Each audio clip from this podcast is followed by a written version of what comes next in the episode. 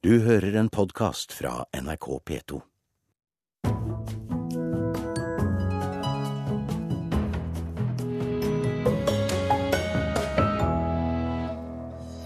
Ikke engang brukthandlere vil ha CD-platene våre. NTNU vil ha slutt på kjedelige forelesninger og studentene sitter eh, med smarttelefoner, men virker det? Vi spør både studentene og pedagoger. Skuespiller Andrine Sæther og artisten Lars Lillo Stenberg har saksøkt den norske staten etter at Høyesterett sa at det var greit for et ukeblad å fotografere bryllupet deres fra buskene. I dag faller dommen i Menneskerettighetsdomstolen om privatlivets fred. Og dette er blant sakene her i Kulturnytt i Nyhetsmorgen i NRK, Ugo Fermarello i studio. CD-en er i ferd med å miste all sin verdi. I går fortalte Kulturnytt at salget er halvert bare det siste året. Heller ikke bruktbutikker og antikvariater vil ta i dem. De avviser nå nesten alle som kommer for å selge CD-samlingene. Den her med ACDC, Bompire, det er en sånn boks med forskjellige live eh, og sånne forskjellige ting. da. Jonny Erdal, eller Jonny Blues som han kaller seg, har godt over 1000 CD-er hjemme. Jeg må ha plate eller CD foran meg, jeg må se det. Hvis jeg skal spille noe, så må jeg kunne ta i det. Nå står han på en musikkbruktsjappe i Oslo med LP-bunka under armen. For han trenger ikke flere CD-er. Kjøper du CD-er nå, da? Ja, det er sjelden. Hvis det er en plate som jeg kanskje ikke får tak i og sånn. Erdal er likevel redd for at CD-ene hans blir glemt. Så jeg håper virkelig at, eh, at når jeg blir borte og sånn, at, at det er noen som tar vare på det. At platene og at det ikke blir kasta og, og sånn. Og Erdal har grunn til å være bekymret. CD-en er vel verdt noe for de som sitter med CD-er og er glad i de CD-ene, men den har ikke noe annenhåndsverdi. Det er ingen som kjøper CD-er brukt lenger, eller som kan gi det bort til antikvariat. Altså man må gi det på søppelfølginga hvis man vil bli kvitt dem. Så det har ingen annenhåndsverdi. Forteller musikkviter og førstelektor på NIS og BI, Audun Molde.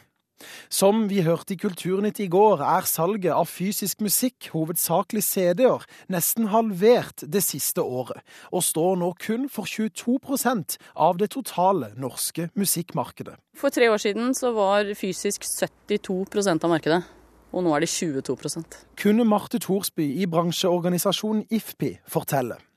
Norges største musikkjede, Platekompaniet, forteller nå at CD-ene kun utgjør rundt 20% av det totale salget. Audun Molde tror CD-salget vil fortsette å stupe, og raskt bli et nisjeprodukt på samme nivå som LP-en. Jeg tror CD-en kommer til å overleve som nisjeprodukt i mange år framover. Jeg tviler på at den får et comeback. I en rundspørring Kulturnytt har gjort blant de største antikvariater og musikkbruktbutikker i Norge, svarer samtlige at CD-en har mistet sin markedsverdi, og at de avviser flesteparten av dem som kommer innom for å selge unna CD-samlingen sin. Hovedinntrykket er at det er en klart fallende, veldig fallende.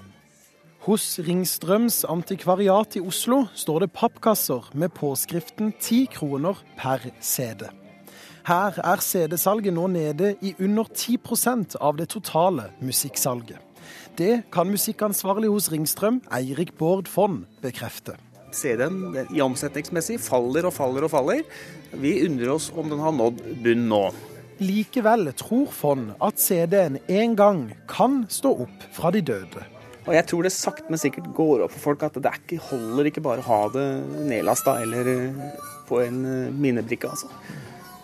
Jeg tror det kommer tilbake. Reporter her Christian Ingebretsen.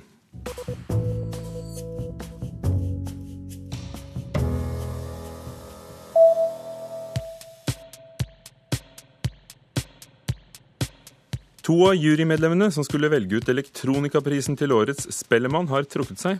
Grunnen er at stjerneskuddet André Bratten, som vi hører i bakgrunnen her, ikke kunne nomineres pga. en teknisk feil.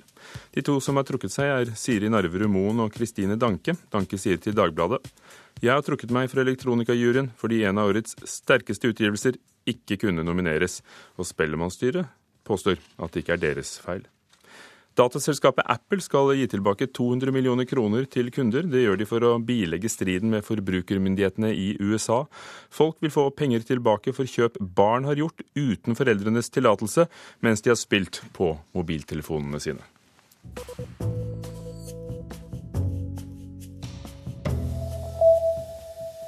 Ved NTNU, Norges teknisk-naturvitenskapelige universitet i Trondheim, kan det bli slutt på at studentene rekker opp hånden. I fremtiden vil de kunne si fra via en smarttelefon.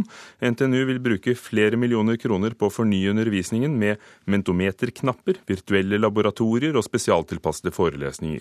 Først ute er matematikk- og kjemistudentene. Eller på spørsmålet er det noe annet som kan også utgjøre det trykket der. Ingen av kjemistudentene rekker opp hånda, for fingrene er opptatt av å trykke på smarttelefon og nettbrett. Det er litt problematisk hvis du detter av, og det er på sånn forelesning, for da bare går det gjennom, og så skriver du bare av det som skjer på tavlen. Hva mer enn hydrogen kan bidra? Noen av studentene syns det kan være vanskelig å følge med på tavleundervisninga når krevende temaer gås fort igjennom. Men nå satser NTNU 12 millioner kroner på fire prosjekt for å bedre undervisningsopplegget til kjemi- og mattestudentene, som vil påvirke 80% av sivilingeniørene som utdannes i Norge. Karina Mathisen, førsteamanuensis på Institutt for kjemi, er en av de som skal bidra til omlegginga. Vi skal aktivisere dem i mye større grad, for det er snakk om veldig store uh, undervisninger. Uh, prøve å få dem til å tenke før de kommer på forelesning, og, og kanskje få dem litt mer i tale på forelesninga i forhold til hva skjønner dere, hva skjønner dere ikke. Det er målet når hun og Hilde Lea Lein setter i gang sitt prosjekt. Fjernundervisning over nett, virtuelle laboratorium, video og mentometerknapper på smarttelefon skal gjøre fagene lettere. Og ifølge prorektor Berit Kjelstad henger Norge etter når det gjelder tilpassa undervisning. Jeg har jo besøkt både Sverige, Finland og Danmark og ser at der har det blitt jobba med de her spørsmålene i mange år. Så jeg oppfatter personlig at vi kanskje henger litt etter i Norge. Og det må vi absolutt gjøre noe med. Og vi må snu litt om på det, og da drive aktiv utvikling av utdanningstilbudene våre sammen med studentene. En lang rekke forskningsprosjekt viser at tradisjonell forelesning er lite effektivt. Derfor mener rektor ved NTNU, Gunnar Bovim, at nå er undervisningsmetoden nødt til å følge med i tida. Vi tror at dagens studenter vil ha en innlæring som er bedre hvis vi bruker moderne virkemidler. Og Det som kjennetegner alle de prosjektene våre, er at studentene må være mer aktive enn de er i tradisjonelt studium. Tilbake til auditorium R7. Universitetene har ikke lenger så mange heltidsstudenter som tidligere, og det er større spenn i studentenes nivå. Og dermed er det nødvendig med omlegging, sier Mathisen. Studentene må, må, i mye større grad eh, eh, delta. Altså det her med å ikke være forberedt og bare dukke opp og sitte og, og bli mata, det, det, tror jeg de må, må begynne, må begynne å gå litt bort ifra. Altså de, må, de være litt mer forberedt eh, for at de skal få bedre utbytte av forelesningene. Og reporter her var, var Kaja Kristin Næss. Anniken Furberg, førsteamanuensis ved Institutt for lærerutdanning og skoleforskning ved Universitetet i Oslo. Hva er fordelene ved å bruke smarttelefoner på denne måten som de prøver seg på i Trondheim? Ja, sånn som jeg har forstått det, sånn som de skal gjøre det i Trondheim, så er eh, det bruk av smarttelefoner sammensatt. At det også inngår i et større pedagogisk eh, opplegg. Og det jeg merker meg her, det er jo veldig positivt det å prøve at de skal prøve å aktivere studenter i forelesning og bidra til aktiv problemlesning. For alle som driver og foreleser og underviser, vet hvor vanskelig det kan være å få elever og studenter med i interaksjon og samtaler, særlig i plenumsforelesninger. Men hvordan eh, virker eh, digitale løsninger da, på, på viljen og evnen til læring? Hva vet vi om det, annet enn hva vi tror? Altså Hvis jeg skal nevne tre eh, momenter som eh, er basert på gjennomgående funn i forskningen, så vet vi for det første når det gjelder positive sider ved bruk av IKT. Så Det ene er at forskning viser at uh, bruk av IKT og mulighet for å bruke varierte informasjonskilder, uh, oppdatert kunnskap, er uh, bra for elever og studenter. Og ikke minst bruk av visuelle kunnskapsformer. Og med visuelle kunnskapsformer så mener jeg digitale simuleringer, grafer, modeller eh, osv. som også er interaktive. Det viser forskning har en positiv effekt og at da komplekse fenomener og prosesser blir lettere å forstå for elever og studenter. Mm. Og det tredje, og det jeg har lyst til å trekke fram og relatere til innslaget vi hørte her også, eh, studenten her på slutten som kom inn og fortalte om betydningen av det å også møtes i eh, face to face, altså i, i klasserommet eller i forelesningssalen. Og det å samarbeide mellom, eh, med andre studenter, det er veldig viktig. og Nettopp det viser forskningen betydningen av. Samarbeid med bruk av IKT. Og så er det enda en ting jeg har lyst til å nevne. Men, men, men Det skal du få nevne etter hvert, men samarbeid ved bruk av IKT. Men hva med bare samarbeid? Poenget her er vel å, å, å møtes, og det har alltid vært noen dyktigere og, og, noen mindre dyktige studenter. Er det ikke bare å, å følge med i timen? Eh, det, hadde det vært så enkelt, så hadde det vært uh, veldig bra. Altså, vi, altså, læring er en kompleks uh, prosess. Og det er nettopp det å være i aktivitet, og det å nettopp få om, altså omsette det man lærer og hører. Og bryne seg på andres eh, meninger og perspektiver som er viktige. Og det er der læringen skjer. Og derfor er samarbeid også så viktig. Påstanden fra NTNU er at Norge henger etter eh, i hvert fall en del andre land i denne utviklingen. Stemmer det med det du ser? Altså, eh, Jeg kjenner ikke til noe systematisk komparativ, altså sammenlignende forskning eh, på akkurat det området. Men det er ingen tvil om at universitets- og høyskolesektoren har en vei å gå på dette feltet her. Og det vi vet også, undersøkelse, undersøkelser, dette gjelder grunn- og videregående skole, hvor teknologi er utbredt. Og vi har på en måte en bred utbredelse av teknologi i skolen i dag.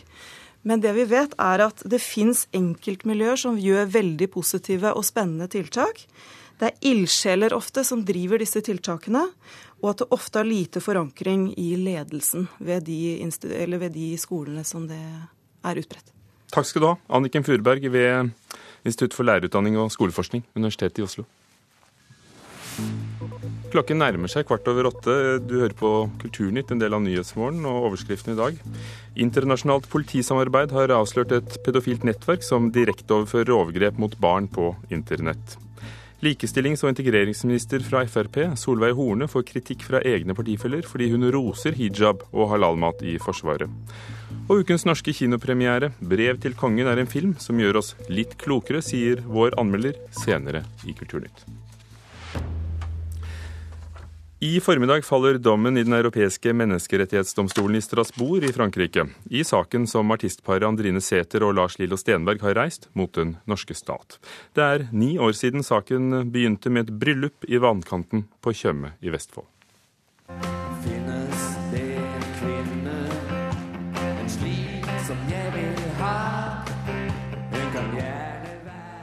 Lars Lillo Stenberg giftet seg med sin kvinne, skuespilleren Andrine Sæther, i 2005.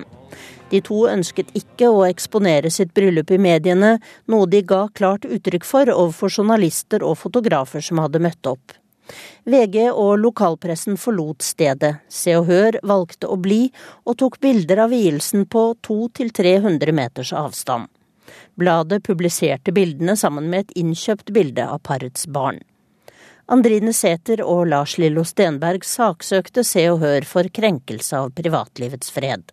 Andrine Sæther var lettet da de vant i tingretten. Det er noe med eh, å ha laget en sånn eh, fest da, som skal være helt privat, og så, så, kommer, den i, så kommer, den i, Se og Hør. De har ligget der eh, sant, i buskene og tatt bilder av oss under vielsen. Um, og jeg syns at det er um, det er veldig, veldig fint at en norsk domstol sier at dette her, er, eh, dette her kan de ikke gjøre. Jeg tror det betyr mye for ganske mange mennesker som har vært i samme situasjon som oss. Saken ble anket. Artistparet vant i lagmannsretten, men tapte i Høyesterett i 2008. Siden da har saken ligget i Den europeiske menneskerettighetsdomstolen i Strasbourg. Motparten er ikke lenger Se og Hør, men den norske stat, og i dag faller dommen. Reporter Tone Staude. Agnes Moxnes, kulturkommentator i NRK. For hvem får denne dommen betydning? Den får betydning for de som driver journalistikk i Norge, og særlig dem som holder på med det som heter kjendis- eller underholdningsjournalistikk. Og hvilken betydning får det for kjendisene selv? Ja, det får vi nå se hvilken, hvilket resultat eh, som kommer. Men det det handler om dette her, det er jo har kjendiser eller kjente mennesker rett til eh, samme beskyttelse for privatlivet sitt som vanlige private mennesker har? Eh, er, kan, man, kan, man, legge seg i buskene og fotografere? Altså, den metoden, er det greit? Og er det av offentlig interesse eh, at et par velger å gifte seg?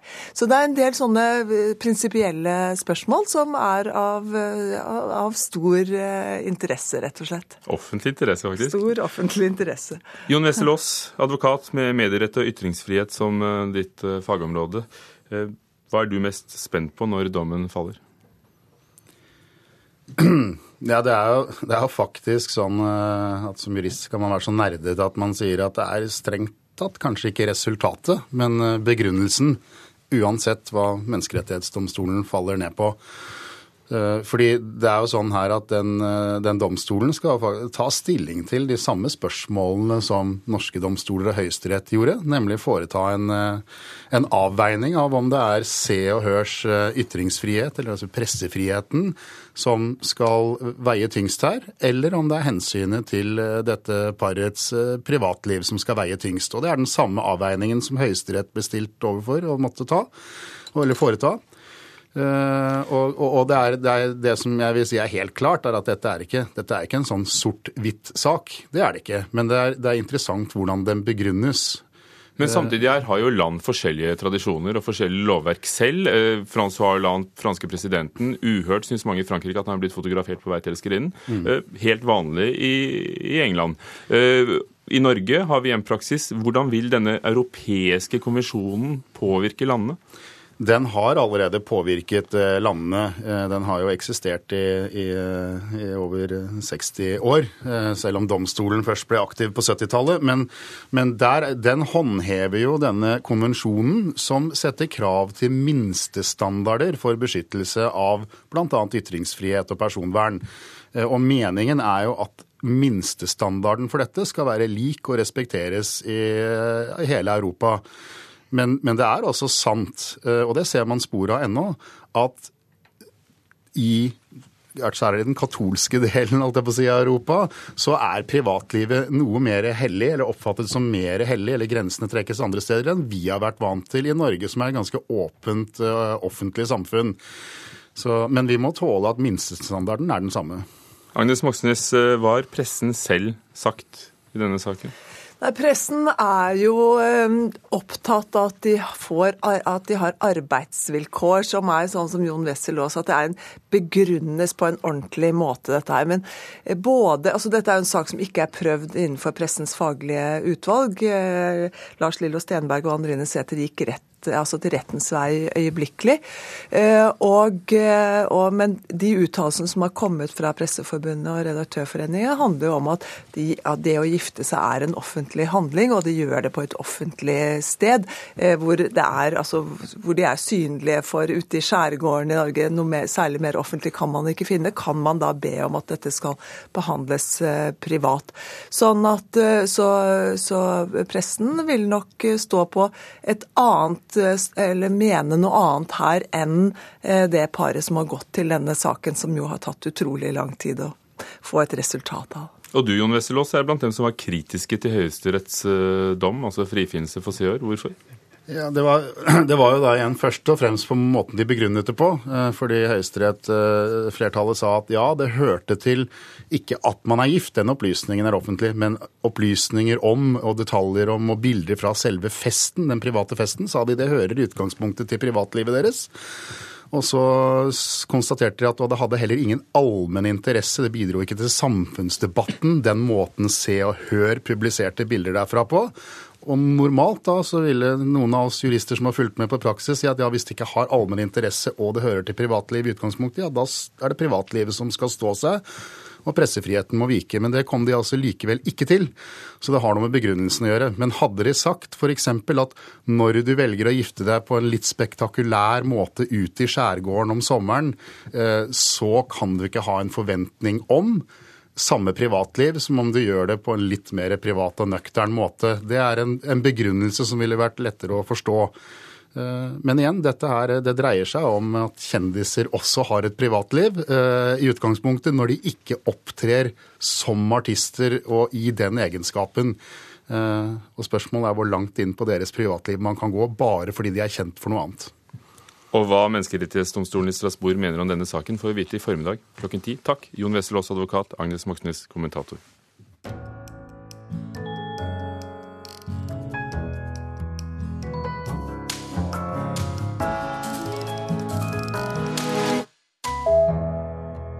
Filmen 'Brev til kongen' handler om kurder i Norge, et stoff som regissøren Hisham Saman kjenner godt.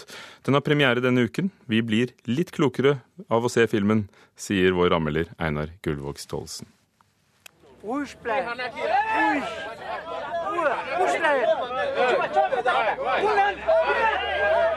En buss er på vei til Oslo med mennesker fra et transittmottak på indre Østland. Det er en velferdstur. De fleste vil bruke dagen i hovedstaden til å møte kjente. Én vil innkassere lønn for arbeid som han gjorde i forrige måned. Én prøver å få seg jobb på et kampsportsenter på Tøyen. Uh,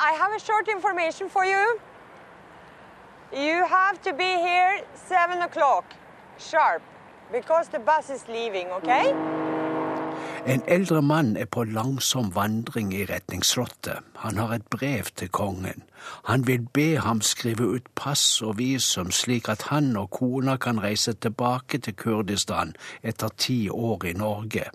Han sier at de har vært gjester her, ikke medlemmer av familien. Unnskyld, ikke nok til klokka sju. Kanskje jeg treffer en, en meg friend meg. Han, han, sa til meg, bli med meg, vi kan gå på en bar, drikke og spise. En av kurderne skal møte kjæresten som han har snakket med gutta om. Hun er 24 år, sier han. Vi ser at hun nærmer seg 60. Hun bruker gjerne penger på litt kos. Ei lita jente kommer bort i vrimmelen. Hennes mor, som vi vet har kokkekniv i veska, ifører seg burka og setter seg inn i drosjen til en sjåfør som hun har noe uoppgjort med. Jeg tror det er første gang i en norsk kinofilm at noen har brukt burka som forkledning i slik hensikt. Regissøren Hisham Saman tør. Bare gå din vei. Gå. Bare gå. Hvor gammel er du egentlig? 16. Du er ikke 16. Jo, jeg er 16. Brev til kongen er skarpe observasjoner av folk og tilstander i det fargerike Norge. Filmen er nøktern, god og engasjerende, og den stryker ingen med hårene. Den kurdisk-norske regissøren Hisham Saman flørter ikke med kunstige tilsetninger, men han bruker gjerne musikk som kan høre hjemme hos folkene i bildene, i situasjonene.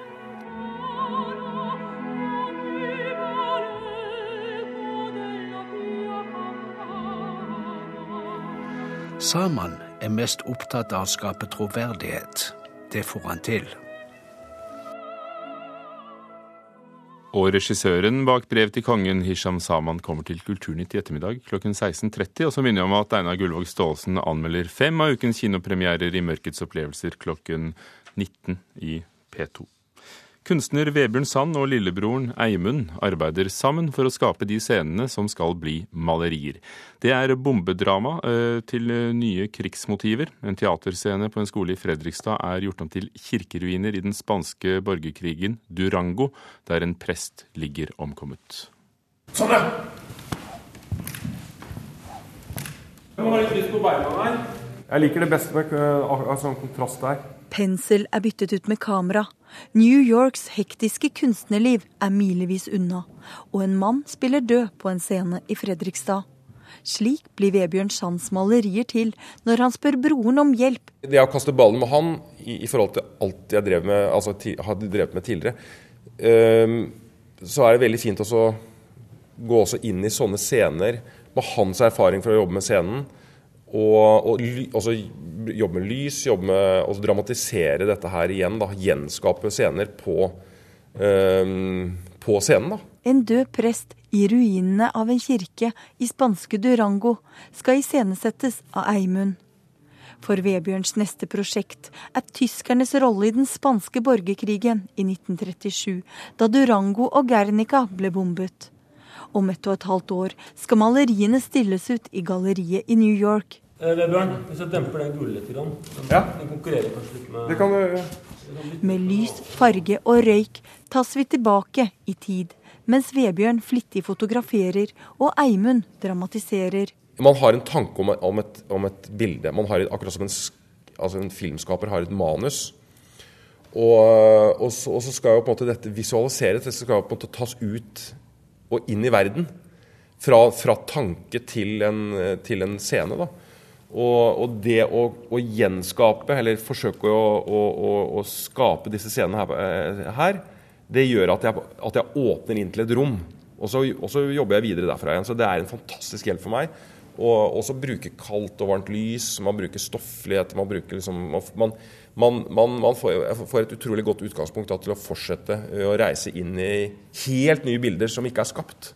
Og det er Eimund som har iscenesatt det hele, før Vebjørn kan fotografere. Det er jo alltid um, veldig inspirerende å jobbe med Vebjørn. Han, um, ja, han er jo et uh, utrolig skapende menneske, så det å ha en sånn samtale og bygge opp en komposisjon og lyssett og jobbe med ideene osv., det er jo alltid veldig moro. Og selv om Eimund beundrer brorens arbeid, synes han det er helt greit å si fra hvis han er uenig. Jeg er jo ikke alltid enig i det resultatet som blir. og Vebjørn eh, får jo høre fra sine nærmeste. ikke sant? Eh, Jeg tør jo si akkurat hva jeg mener. Og, og, er, og det er, sånn skal det være. Jeg, vi må være kritiske. Vi må være, vi må være klare på hva vi mener. Og, og det ja, får, eh, får motstand fra meg. Det gjør han absolutt. Reporter Anette Torjussen snakket med Vebjørn og Eimund Sand. I Kulturnytt har vi hørt at CD-platen snart blir et nisjeprodukt, ifølge en ekspert, selv ikke antikvariater vil ha dem. Beate Haugtrø var teknisk ansvarlig, Sondre Bjørdal produsent, Ugo Fermariello programleder.